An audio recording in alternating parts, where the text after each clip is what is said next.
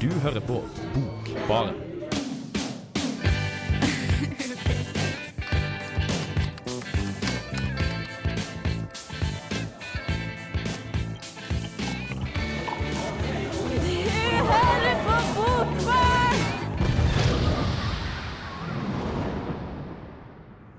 Hei, hei, og velkommen til Bokbaren på Radio Revolt. I dag så har jeg med meg to eh, kvinner her i studio. Og det er da Siri og Hanna Malene. Hallo. Siri, Hei. hei, hei, hei. Siri, du var jo med sist, og det gikk jo så gærent bra at vi rett og slett gjentok suksessen. Ja, selvsagt, sier jeg. Ja, ja, ja. Og Hanna, du har vært med lenge i Bokbarn, egentlig lenger enn noen av oss andre her. Ja, så Jeg har vært med så lenge at jeg egentlig har slutta. Men så savner jeg dere sånn, og sitter og er så glad når jeg har hørt intro til Bokbaren og får lov til å danse med i studio. og synes det er så kjekt. Det er det jo tvilsomt. I dag i Bokbaren så skal vi snakke om et par forskjellige ting. Vi skal snakke om eh, en ny bok som forfatteren Gunhild Øyehaug har gitt ut. Den heter 'Draumeskriver'. Og du han har i hvert fall lest noe av Gunhild Øyehaug før. Ikke den her, men noen andre bøker. Ja, jeg har lest uh, Undis brekke, som kom for kanskje to år siden. eller noe sånt nå. Og så har jeg jo også da sett denne filmatiseringen av eh, Vente Blinke, som heter 'Kvinner i for store herreskjorter'. Så det er min Øyehaug-kompetanse. en fun fact om den er at den ble spilt inn her i Trondheim. Er det? Ja, det er derfor det var så herlig å gå på kino og så se Trondheim. Det er liksom ikke noe man gjør så veldig ofte. Så det synes jeg er veldig kjekt. Det er jo en roman som blir egentlig utfolder seg i Bergen, og så har den da blitt filmet inn i Trondheim, og det syns jeg var helt, helt OK pluss. Ja. Det, det har ikke sett den filmen, faktisk, men det kanskje man skulle ha gjort. I tillegg til det, å snakke om Øyehaug, så skal vi også snakke om en debatt, en debatt som har eh, foregått i Morgenbladet i det siste. Som dreier seg om eh, kategorisering av litteratur. Er, det, er ting faglitteratur, er det skjønnlitteratur? Og hvilken eh, merkelapp skal vi sette på det, og hvilken rolle får da teksten? Så ja, det her skal vi snakke litt mer om, men først så tar vi en låt. Vi hører Pow Pow med Alpha Waves. Gray waves, violet signals are the.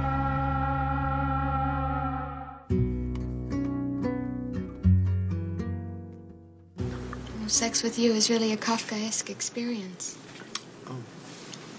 Thank you. Bokbarn. Bokbarn. Yes, dere vet at den jingen her er fra en Woody Allen-film? Ja, det, jeg tror det er han Kristoffer som var med i Bokbarn før, som har laget den, og jeg syns den er helt fantastisk. Det er det, den er kul, den. Nå så skal vi snakke litt om Gunhild Øyehaug, som nevnt eh, før. Hun er jo en rimelig kjent forfatter i Norge, vil jeg si, ganske kritikerrost. Eh, hun står, jeg har lest på, på, forside- hva heter det, på omslaget på boka her at hun er født i Ørsta i 1975 og har gitt ut mye forskjellig. Um, men du Anna, hadde lest eh, romanen, den romanen heter 'Undis brekke'. Det er en roman, ja. Ja. Det stemmer. Uh, og den er, altså, for jeg hadde jo også hørt mye om Gunhild Øyhaug, uh, og jeg leste den i fjor, blir det vel. Uh, og ble egentlig litt, litt skuffa. Men fordi den er også en sånn roman som Det ble skrevet en del om den. Jeg tror jeg hadde lest litt omtaler og sånn, og det kan iblant være litt skummelt å gjøre det før man leser en bok, for du får noen veldig sånn veldig spesifikke forventninger. Og så syns jeg liksom ikke det var så drivende. Jeg tror jeg synes det var litt trist, for det som jeg sa når det ble spilt en låt her nå, at pappa han anbefalte meg også denne boken han hadde lest og syntes den passet veldig for meg. Og så handler det om en som aldri blir ferdig med doktorgraden sin i Bergen, og så flytter hjem til hjemstedet sitt og skal være høyskolelektor og synes det er ganske fælt. Så jeg var liksom Hvorfor skal jeg lese dette? Det var Det tenkte far din, Hanna kommer aldri til å bli ferdig med doktorgraden sin. Nei. Det er hyggelig at han tror jeg skal skrive den, da. Så prøve. prøve. Men eh, også har jo også gitt ut eh, Det er ganske kjent roman Det var en roman var 'Vente blinke'. Som det er den som er filmatisert som eh, 'Kvinner i for store herreskjorter'. Er det ikke? Ja. Mm. Og det er også, den har jeg lest bare første siden av i roman, men så har jeg sett denne filmen, for jeg syns det er fantastisk å komme en film fra Trondheim, og det er jo helt nydelig å sitte der og se Trondheim, og det er liksom kjempeflott, og de har fått med han derre Gunnar Damboll, sånn kunstkritiker som kommer og forklarer om bildene på, på Trondheim kunstmuseum, og det er veldig, veldig flott, men den var jo jæklig klein, da. Det er sånn, Du sitter og har litt sånn vondt. Altså, Jeg satt og så den her med en annen, og vi satt liksom og gjemte oss litt sånn bak skjerf. og var litt Sånn, «Å, nei, nei, nei, hva er det de gjør? Og han liksom, hovedfyren, som er liksom den romantiske interessen, han er jo sånn skikkelig sånn ekkel, nasty kulturmann. Sånn fyr som har gitt ut en bok og er sånn trett på suksessen og dritlei og vet liksom ikke hva han vil i livet. Er bare en skikkelig jævel drit. Um, hun, Gunhild Ehaug har som sagt skrevet mye forskjellig. da så Dikt og noveller og romaner, så ganske allsidig. Men hun, har, hun er jo òg eh, lærer på Skrivekunstakademiet i Bergen. Vet dere det? Nei, visste jeg ikke. Så, Ja, det tror jeg jeg har hørt, faktisk. ja. Så, men jeg er litt enig med Hanna. Nå har jeg lest kun den nyeste boka hennes, da, som heter ja, som sagt, Draumeskri 'Draumeskriver'. Som en novellesamling. Men man får ganske høye forventninger, da. Når både en kritikerrost forfatter og hun er lærer på et skrivekunstakademi, altså et av de mest kjente skolene for litteratur, unge, håpefulle litteraturskribenter i Norge. Eh, Så um, ja. Men du syns da de novellene var ganske gode? Var det ikke Ja, Det vi det, kom frem til. syns jeg egentlig. Vi skal høre en liten eh, omtale av eh, boka som jeg har laga, der jeg snakker litt om det. Og så kan vi snakke litt om det etterpå igjen. Draumeskriver. Hva kan en draumeskriver være for noe? En som skriver om drømmer? Eller ei som lager drømmer som hun skriver om? Draumeskriver er i hvert fall Gunhild Øyehaugs nyeste utgivelse. Ei bok som har kommet ut nå i høst. Øyehaug er født i 1975 i Ørsta, og har tidligere utgitt diktsamlinger, romaner, filmmanus, og her er hennes andre novellesamling. Hun har også vært kritiker, forlagsansatt og har hovedfag i litteraturvitenskap. På toppen av alt det her jobber hun også som lærer på Skrivekunstakademiet i Bergen. Litt av en litterær CV, altså. Så hva slags litteratur har Øyehaug laga denne gangen, med 'Drømmeskriver'? Det er en novellesamling, og sånn som tittelen hinter til, så undersøker det drømmeaktige opplevelser av situasjoner i randsonen av det som fornuften kan akseptere. På begynnelsen av boka er det et sitat fra det norske middelalderdiktet 'Draumkveet', som handler om Olav Ostesson og hans opplevelser fra en drøm om dødsriket. Draumkveet-sitatet i 'Draumeskriver' går sånn. Høyrer vatn og ser det inkje. Undi jordi, som mune det fara. På moderne norsk betyr det her høyrer vatn og ser det ikke, under jorda må det fare. Drøm utpeker seg dermed som et sentralt aspekt i denne novellesamlinga. Det dreier seg ofte om alvorlige og tunge tema, men som regel legger Øyehaug inn glimt av humor og letthet, som skaper god variasjon i stemninga i tekstene. Ofte kommer lettheten av leik med teksten, f.eks. ved metalitterære grep, der hun f.eks. kan forklare litterære elementer inn i den skjønnlitterære teksten, sånn som f.eks. her. Signe så kort på Aksel, som rakk å finne ut at hun lurte på om han hadde blitt imponert av det hun sa, før hun så i gulvet. Innvendinga hennes kom ikke før dagen var omme, og han hadde gått ut på gata som strekte seg som ei lang setning forbi den kreative høgskolen som lå cirka midt i Oslo sentrum, med ganske kort veg ned til fjorden. Signe kom med veska si ut av glassdørene og steig rett ut på fortauet der Aksel sto og tende ein røyk. Hun så på han med det samme mysteriske mina og trutmunnen og auga. Vi held fram i presens, det er enklere med omsyn til dramatisk innleving. Eg veit det, sier Aksel, eg veit eg ikkje burde. Med dette mener han røykinga. Du, sier Signe, det var ein ting eg tenkte på når det gjaldt den teksten du las i dag. Eg såg det, sier Aksel. Signe ser overraska ut. Jaha, sier Signe, for hun liker svært dårlig forfatterens store sjøltillit. Draumeskriver er befolka av forskjellige slags mennesker, menn og kvinner, unge og gamle. Til felles har de at de utsettes for merkverdige opplevelser, sånn som man av og til kan oppleve i drømmer. I Øyehaugs tekster er det uklart om det fortelles om noe drømt eller virkelig. Eksempler kan være når vi møter en professor som forviller seg inn i et hus fullt av døde babyer, ei dame som plutselig oppdager at du kan gå gjennom veggen, og ei dame som mister fingrene etter å ha brukt verdens beste neglelakkfjerner. Gunhild Øyehaug har denne gangen skrevet noen meget interessante tekster. Det er som om tekstene beveger seg inn og ut av ulike virkelighetsoppfatninger, eller mellom ulike bevisstheter. På den måten blandes fantasi, virkelighet, fiksjon, faktareferanser i et utforskende litterært språk. Tekstene oppleves som åpne, dvs. Si uten forsøk på å skrive i en bestemt stil. Øyehaugs draumeskriver er i så måte av god litterær kvalitet, da den undersøker og utforsker utkanten av både novellelitteraturen og vår virkelighetsoppfatning.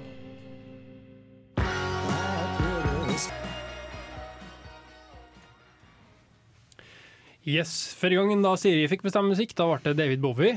Og her gangen ble det jo da Iggy Pop, eh, med låt som de begge har spilt inn, vel? China Girl. Yes, Du hører på Bokbaren, og vi snakker om Gunhild Øyehaug sin nyeste novellesamling 'Draumeskriver', som jeg har lest. Som vi hørte i omtalen, da, så er det ganske mm, mye rare ting det handler om i den her, da.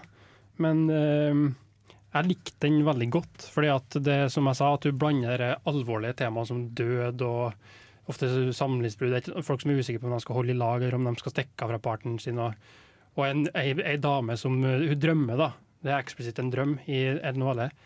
At hun drømmer at hun um, glemmer babyen sin på sykehuset og går på en åpning, åpning av et amfisenter. Så våkner vi i syk- sykehussenga, og heldigvis var det bare en drøm. Så, men det er sånn mye sånn dystre og kjipe ting, da, men hun blander inn Hun har en slags letthet i språket sitt, som eh, jeg nevnte, og blander inn en del eh, litt sånn artige ting. Da. Så det, det får ikke dystre til å forsvinne, men det gir det på en måte mer um, variasjon, kan man si, og det blir ikke så ensidig. Jeg liker det egentlig godt. Ja, fordi når jeg nå hørte på den anmeldelsen, så kom jeg på nettopp at det er jo og mye morsomt i denne Undis Brekke som jeg på en måte bare ikke husker helt. Eller liksom ikke, det er ikke det jeg på en måte husker i ettertid, men når du snakket om det, så kjente jeg liksom noen av måtene hun lager påfunn på. Og også i den 'Kvinner i forståere herreskjorter' slash Vente Blinke, så er det jo noen Altså, man ler jo veldig, veldig mye. eh, av den filmen. Eh, og det er veldig liksom, gøy. Og jeg tror også, jeg på en måte humret iblant av Undis Brekke at det er noen sånn rare formuleringer og tanker om henne, som at hun, hun har en kvinnekjæreste på starten som hun liksom for, tenker over ja, hvorfor er jeg egentlig sammen med henne, og vi passer kanskje ikke godt sammen. men det er på en måte det som gir henne litt sånn swag føler hun da, når hun snakker med folk. sånn, Vi får vite at hun er sammen med den jenta. Så er sånn, ah, da er det litt sånn kul. Og det er veldig sånn rare måter å tenke på som gjøres ganske morsomt. da. Ja. Jeg tenker på det sa noe med rare måter å tenke på, for det er jo som jeg sa, en del rare ideer i, i de novellene her, som er ganske sånn jeg, begynte å tenke på surrealisme, da, og kanskje første jeg tenkte jeg åpna og leste om den første, i den første novella som jeg nevnte i, i omtalen, der det er ei dame som eh, tar på seg neglelakk, som er så bra. da, Først er hun fornøyd med den, for den går aldri av. da. Men så, når det går ei uke, to uker, så begynner hun å få panikk. da, Når skal den her gå av? Så hun går og kjøper en neglelakkfjerner. Men den biter ikke på. Så heldigvis, da, etter litt om og litt eh, stigende panikk, så finner hun en butikk som har verdens beste neglelakkfjerner. Sånn, sånn artig idé i seg sjøl. Og da hun smører på den, og heldigvis så forsvinner neglelakken. Men i tillegg så forsvinner fingrene hennes. Så det var bare sånn, litt sånn Kafka-aktig trekk i noen av dem, tenkte jeg. At, um, at det skjer sånne surrealistiske, overnaturlige ting. da. Det har litt med det drøm, drømmeaspektet òg. Og um, en annen forfatter jeg tenkte på, var Borges, som òg har litt sånn her um, veldig uventa vendinger og litt sånn over Det er så fantastiske ting, eh, nesten. Ja, men eh, det jeg tenker på når vi prater om drømmer eh, og surrealisten, men eller sånne ting som på en måte kan kan eh, ja, Ikke nødvendigvis det særs Kafka, men eh, det her med, med Freud. Freud, Selvsagt kommer Freud! Men eh, drømmetydninga altså Freud mener jo kanskje det at det uansett altså våre drømmer er uttrykk for eh, noe underbevisstheten vår ønsker å fortelle oss. da. Eh, har du merket noe til den type tendenser i boka? Er det, noen, eh, er det mulig å tolke noe? Ja, jeg har lurt, litt på det samme som det du um, lanserte her nå, da. At om det er sånn, at for det er jo som sagt mye drømmer i boka. Som der enten man skjønner ut ifra novella at det her er en drøm, eller at det sies eksplisitt, som jeg sa, at, at den personen det handler om, våkner da, fra det som har skjedd. Om det da skal tolkes. Men jeg er litt usikker på det, egentlig, for av og til så altså, hadde jeg sett at det hadde vært en fortelling som ikke hadde vært i, den drømmesettingen. da. Om det hadde på en måte vært mer realistisk, men fortsatt med litt sånne motiv. da. Hadde Eller man går inn, liksom? Hmm? Allegorien? Ja, hadde, hadde, hadde man liksom sett like sterkt på det som noe som skulle tolkes da, eller? Ja, jeg vet ikke. Ja, nei, for jeg tenker mer at uh, sånn når vi tenker i retning Borges og så vi tenker Freud og drømmetid, så tenker jeg mer på at det kanskje er den delen av den norske litteraturen som er litt sånn der på den Hei, vi er veldig normale, plutselig så push, er vi i et helt annen verden hvor vi har veldig mye surrealistiske trekk. Som er det ikke han Bugge? Morten Bugge, er det denne? Mikkel Bugge. Mikkel Bugge. Uh, han skriver også nettopp en novellesamling hvor han har veldig mange sånne Plutselig så bare skjer det veldig mye ting som ikke er helt logisk, og som man liksom sitter igjen og er sånn uh, Hvordan fungerte egentlig dette? Og jeg tenker også Harstad, som som regel har romaner som måte veldig lenge holder seg til en sånn realistisk lesekontrakt, og så plutselig bare så er det liksom noe veldig veldig uventet som skjer. At det på en måte mer enn at jeg ville tenkt at jeg skulle begynt å tolke Freud og se hva som ligger bak det, så tenker jeg at det er mer en, en, på en måte, måte å skrive på, da, en type å behandle litteraturen på. Vi har kanskje denne her på den ene siden, og så har du de som er sånn, lener seg så utrolig mot naturvitenskapen sånn på den andre. At det kanskje kan være to forskjellige typer å jobbe på. Ja, jeg lurer på om du tenker på, på den magiske realismen? Nei, ikke sånn nødvendigvis, tror jeg. Nei. Nei. Men det var litt det derfor jeg nevnte Borges. For det er litt den, mer den retninga jeg føler at det er, eller om det er sånn som sagt, det er jo den her drømmesettingen. Men jeg tenker at det på en måte bare er et premiss kanskje da, for å få de her mulighetene. da. Så jeg vet ikke. Det er jo vanskelig å si. Um, altså man må jo, Det er opp til man sjøl om hvordan man vil tolke en historie, eller se det allegorisk, eller hva. Men, men jeg tenker litt sånn at det kan ses på bare som litterære eh, formgrep, da kanskje. Eh, ja. Jeg husker en, jeg kan jo avslutte med den lille anekdoten. Jeg husker en sånn der symbolsk greie. Det er en, I en av novellene så en, en mann som er veldig irritert på damer. Da. Han bare blir mer og mer irritert på kvinner og syns de er bare dritt. Og så går han ut i skogen en dag, og så ser han en jordvagina nede på bakken som han stikker stek handa si inni. Og inni der så finner han noe sånn her mjukt og glatt og, som han drar ut. Og da er det en hjerne. Så da han, tol han da tolker det som at han egentlig at han finner da sin egen hjerne inni en jordvagina nede på bakken, tolker han som at han egentlig vil være kvinne. Så det er sånn helt sjukt rar, rar greie. Som òg var litt som en humoren, eller ikke humor, men mer sånn surrealisme og rare påfunn i boka. Vi skal høre den amerikanske gruppa The National med låta 'Karen'.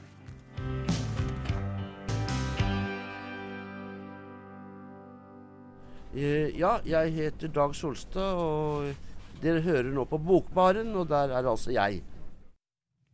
Yes, det var The National med låta 'Karen'. Nå skal vi fra norske Gunhild Øyehaug over til en debatt som for så vidt eh, kanskje da angår alle norske forfattere som eh, driver og skriver nå. Og kanskje du, Siri, kan ha lyst til å si litt om eh, den debatten her? Ja, jeg kan forsøke, men jeg kan jo arrestere deg aller først. Jeg tror kanskje ikke det angår alle norske forfattere som driver og skriver nå, men det angår i hvert fall de som på en måte befinner seg i sjiktet mellom sakprosaen og skjønnlitteraturen. For det her har jo vært i Morgenbladet, under på en måte fana sannhet og metode, så har denne her debatten jeg tenker, Rast vil vel kanskje være å ta i, men den har da i hvert fall foregått. Eh, og Toril Moi har skrevet et fantastisk eh, essay. Jeg er jo superglad i Toril Moi. Toril Moi er professor i litteratur og fast skribent i Morgenbladet. Og hun, eh, for det her er i forbindelse med at eh, Svetlana Aleksjevitsj har vunnet Nobel litteraturpris, vel, eh, egentlig intervjubaserte bøker. Så det viser jo på en måte at Nobelinstitusjonen har, har tatt inn over eh, bøker som beveger seg over i sakprosasjiktet. Ja, er det sånn at det er hun Nobelprisvinneren som jeg ikke greier helt å uttale, for jeg har ikke uh, sjekka ut hun. Er det sånn at hun, For det er jo, det er jo altså basert på virkelige intervju med virkelige mennesker. Mm. Hva, hva kaller hun det da? Vet dere det? Er det, kaller hun det litteratur, eller? Hun kaller det roman, og det er nettopp det som er, det sto- er også, det Morgenbladet har jo laget en sånn femsiders eh, avslag til dette her denne gangen. Og det er jo nettopp det at der diskuteres det hvordan kan man bestemme liksom, Hvordan kan hun gå rundt og få lov til å si at dette er romaner? Og så er det en fra en sånn norsk faglitteratur som sier at dette her er vel egentlig eh, på sakprosa. At man mener at det er feil at man kan sette en romanmerkelapp på noe som er faktabasert. Men så er det nettopp dette debatten sånn. Hvem er det som bestemmer dette? Hva er hva? Hvem vet? Ja, for det er akkurat det. For Tormod innleder da sitt eh, essay, roman eller memoarer, med følgende, og da leser jeg høyt. Våre begreper om skjønnlitteraturens fantasi mot sakprosaens faktagranskning fanger ikke opp den litterære utviklinga. Og den her litterære utviklinga hun prater om, er jo nettopp det at eh, flere bøker da, har fått eh, sjangerbetegnelsen roman, uten at de nødvendigvis differerer eh, særlig ifra andre lignende bøker som har fått betegnelsen sakprosa. Og et av de eksemplene Moi bruker, er nettopp Morten Stø Størksnes Strøksnes. Strøksnes Havboka, og den har jo du lest, Hanna. Ja, altså fordi dette er jo en hvis det har og dette er pga. hun nobelprisvinneren, men det er jo også pga. Strøksnes eh, og mange andre. Vi kan jo holdt på å snakke om Knausgård og Solstad og Espedal og mange andre navn her.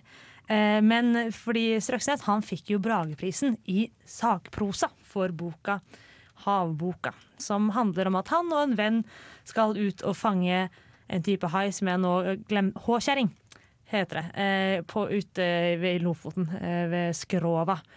Og dette er jo blitt en sakprosa som er en bok som har blitt trykket opp i ekstremt mange opplag, og den får så mye ros.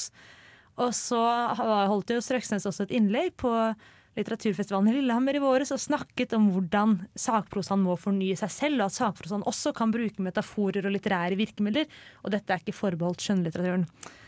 Eh, og det er jo en veldig interessant måte å jobbe seg ut fra. Og så er det nettopp at når man leser havboka, da, så hvordan leser man da? Jeg må innrømme at jeg leste den mye som en roman med faktaopplysninger i. Fordi vi har jo veldig mye skjønnlitteratur som jobber med fakta, som f.eks. Frøydis Ole Simonsen med 'Hver morgen kryper jeg opp fra havet', som har veldig mye biologi i seg. Men dette er jo da kortprosa slash dikt, mens Strøksnes er sakprosa. Hva gjør man? Det jeg tenker på, Jeg har ikke lest den Strøksnes-boka, da, men eh, det, som det bildet har av er at han på en måte har et sånt saklig anliggende der. Det er noe han vil si konkret, med, med, med rot i fakta, ikke? Ja, ja, Det er det masse fakta, og det er jo en kildeliste til slutt. Eh, og du får vite mye om havet, om algeproduksjon, du får vite masse om H-kjerringa, og hvordan på en måte, folk har fanget den opp gjennom tidene, og masse faktabaserte ting. Og så er det jo en sånn elegi over menneskenes eh, ødeleggelse av hele verden også. Det er jo kjempedeprimerende å lese iblant. For det er sånn, så er det sånn, egentlig så er ikke dette et problem, for det som skjer er at menneskene dør ut, og så klarer jorda å fikse på seg sjøl. Så det er Men- bare vi som er fucked. Men jeg tenker, kan det være på en måte noe av skillet, da? At man har Det er vel sjelden i en skjønnlitterær bok at uh, man har det premisset. da, At sånn OK, nå skal jeg fortelle deg noe, og det jeg skal fortelle deg, er det her to-tre tingene her, liksom. At det er mer, at det, det skillet mellom den havboka for eksempel, kanskje kan gå, da. At det er Mellom- ønske om å for, formidle fakta. Ja, at, eller ikke bare fakta, men kanskje en um, Altså nå I de her tidene når det både er risiko for oljeboring oppi For det er i nord han uh, Ja, han, han er på, er på Skrova, som er den øya utenfor Lofoten. Ja. Så han starter på Engeløya, som er litt lenger øst. Ja, jeg tenker at det både har et sånt faktagrunnlag og vitenskapelig grunnlag, men også kanskje litt politisk, da. Som man sjelden finner i skjønnlitteratur. Kan det ligge noe, noe der? Mm, ja, jeg vil ikke si at det er der jeg vil at skillet mellom sakprosa og skjønnlitteratur går. Fordi jeg er jo en av disse som er hardnakket tilhenger på at uh, litteraturen er politisk og finner sin plass i verden. Uh, og jeg tenker jo det, som jeg synes var interessant med det Strøksnes snakket om på, på litteraturfestivalen, at han snakket om Knausgård, hvor han, Knausgård startet på en måte ut Min kamp-serien med å si at jeg er så lei av litteraturen, på en måte. nå skal vi snakke om det sanne, om det virkelige livet. Og avslutter bok seks på en måte med at folk anklager ham for å være nesten Hitler-vennlig, og så sier han at men dette er en roman. Um, og jeg tenker at det går ikke så mye på om han er politisk eller ikke. Det er egentlig for meg Det, det er nettopp det jeg syns blir veldig vanskelig når man begynner å si at når disse linjene begynner å på en måte være mer flytende, så blir det plutselig veldig en sånn forfatteren bestemmer. Har jeg skrevet skjønnlitteratur eller har jeg skrevet sakprosa? Som jeg ikke vet helt hvordan man skal gå videre med. Da. Men jeg syns det er kjempe, kjempegøy. Jeg synes det er veldig morsomt at det blir tatt opp. Jeg tok et fag også nå da jeg var på utveksling, som vi snakket om La cérémonie des adieux, altså avskjedsseremoniene, eh, som Simone Dubois skrev over Sartre etter hans død. Og da handlet hele faget om er dette en biografi, er det et memoar, eller er det et vitnesbyrd? Eller hvordan skal man liksom gå inn og fortolke hva slags type verk det er? Og det er jo på en måte litt den diskusjonen vi på en måte kommer opp i her, da, i hva slags type litteratur vi har med å gjøre. Ja, ja for jeg tenker eh, kanskje verdt å nevne her, eller i forbindelse med det her, er at eh, det er jo egentlig ikke mer enn 200 år siden vi skilte mellom det som nå har blitt sakprosa og skjønnlitteratur. Og for 100 år siden så begynte de å systematisere skjønnlitteraturen, vitenskapelig gjøre det, og det de så på da, det var ikke på en måte er det basert på fakta, eller er det funnet opp, men de utleda en del sånne stilistiske eh, ting som utgjør på en måte skjønnlitteraturen. Og det er det debatten nå handler litt om nå. Altså eh, at forfatteren bestemmer litt. Ja, har jeg skrevet en roman eller har jeg skrevet sakprosa? Det kommer gjerne litt an på eh, rett og slett stilen forfatteren har lagt seg på.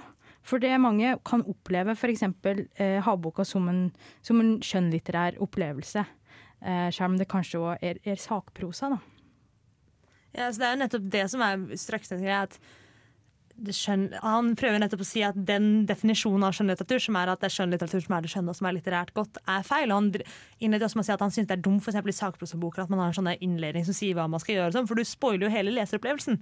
For da er det ikke noe overraskelse igjen. Og da fungerer, altså, så, han var sånn, så det kan ikke sakprosaen fortsette å gjøre. Så vi må slutte med det. Vi må liksom følge etter litteraturen og skape spenning for at folk skal på en måte gidde å lese. Nesten.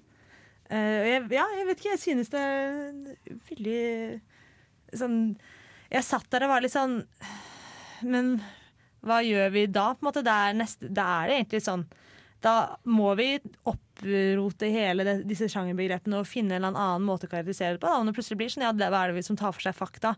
Men og det mange snakker om i denne spesialen til Morgenbladet, er at det handler mye om frihet og frihet til å kunne bedrive litt løgn, og hvilken slags lesekontrakt man inngår med de som leser, ut om man sier at det er sakprosa eller roman. At det er egentlig det som er skillet. Mm. Vi skal snakke litt mer om det med lesekontrakter og hva som eventuelt kan, eventuelt kan skje videre litt senere i programmet.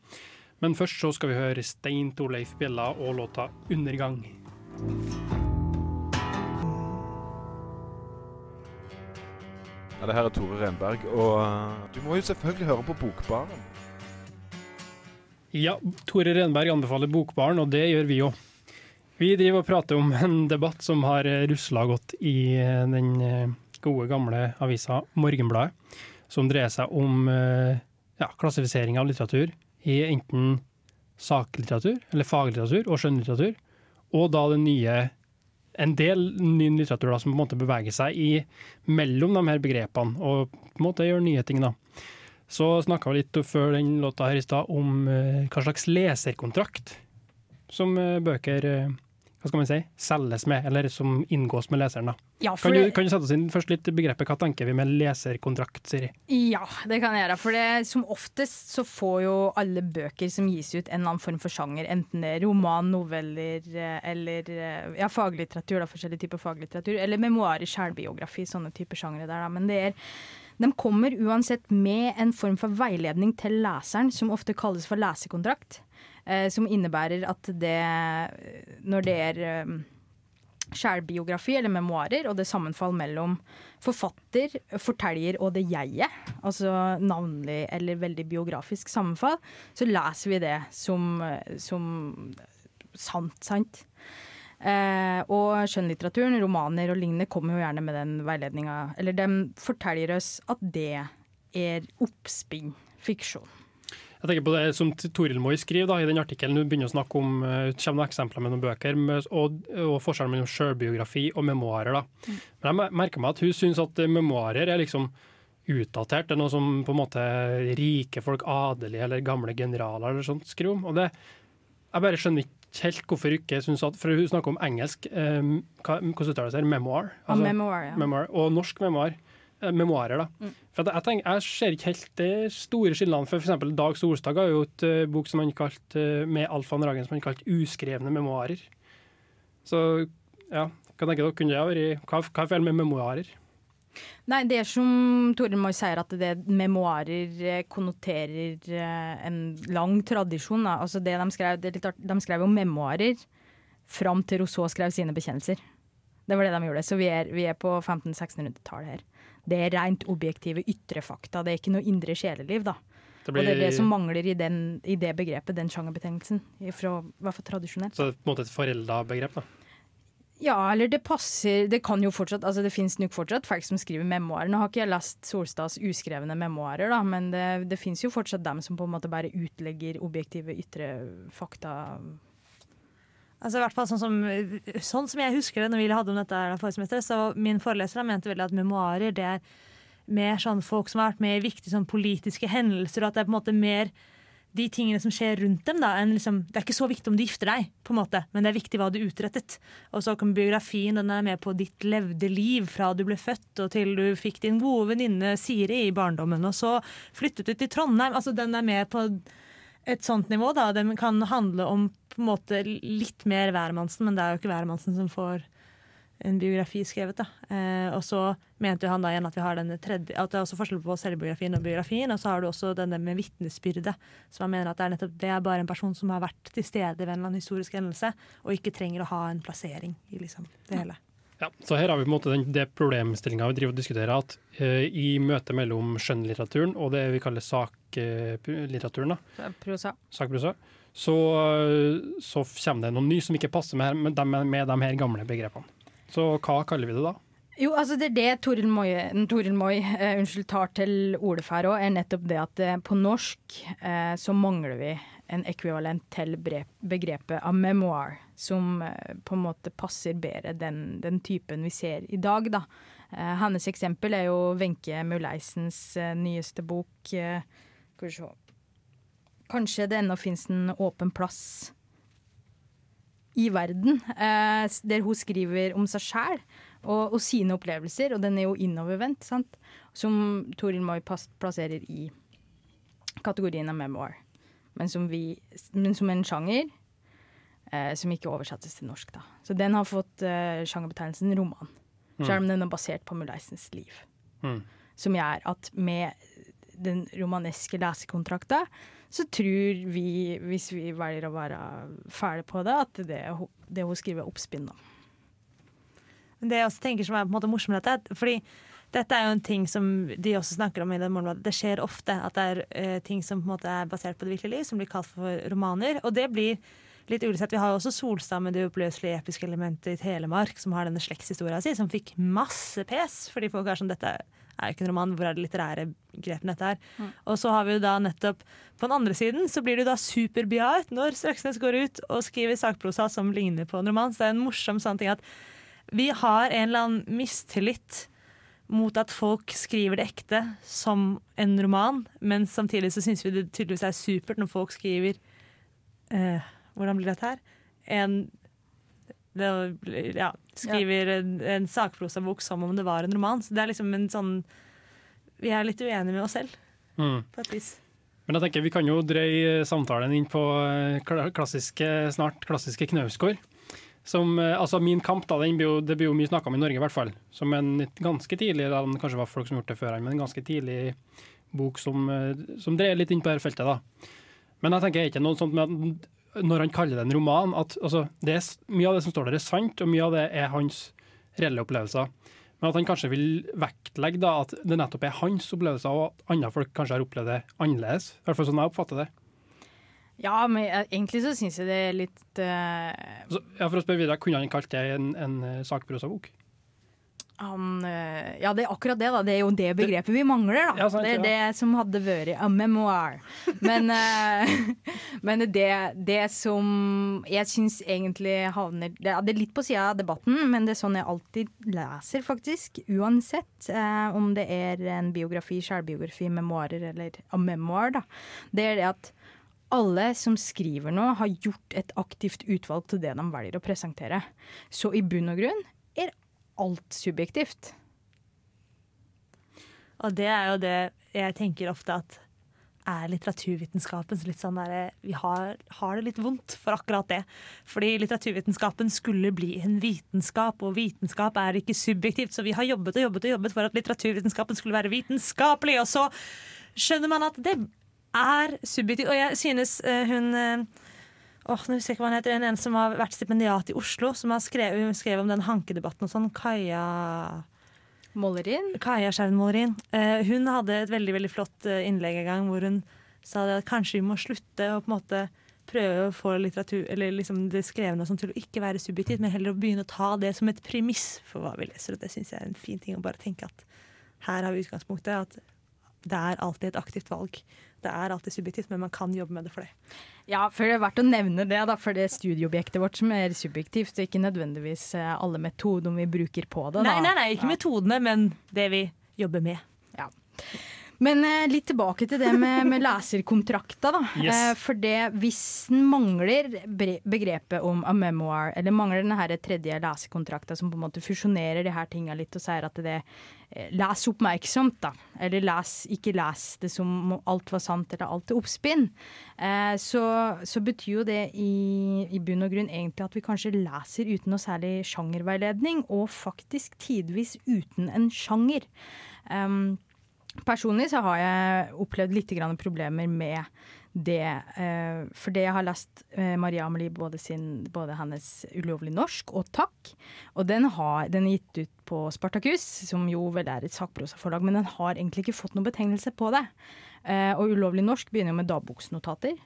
Der hun egentlig skriver at hun har gjort et lite utvalg.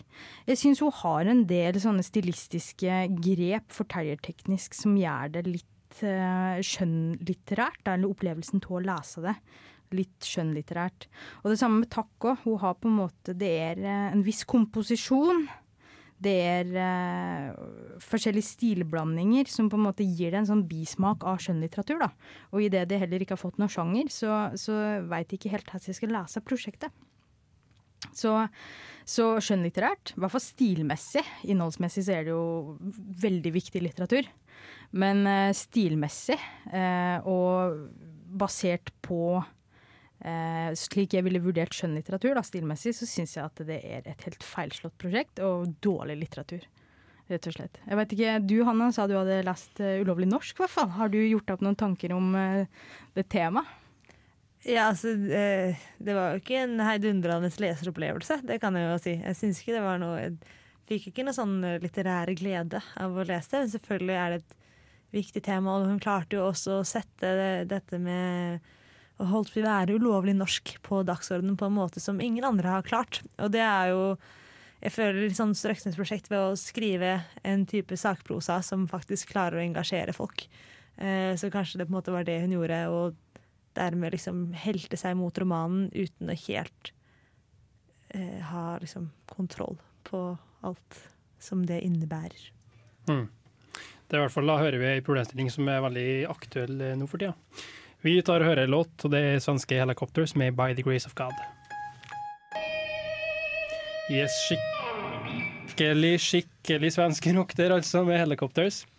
Vi er nå da sirkumsarum ferdig med debatten, debatten i debatten eh, her i Bokbaren om eh, altså sakprosa versus skjønnlitteratur.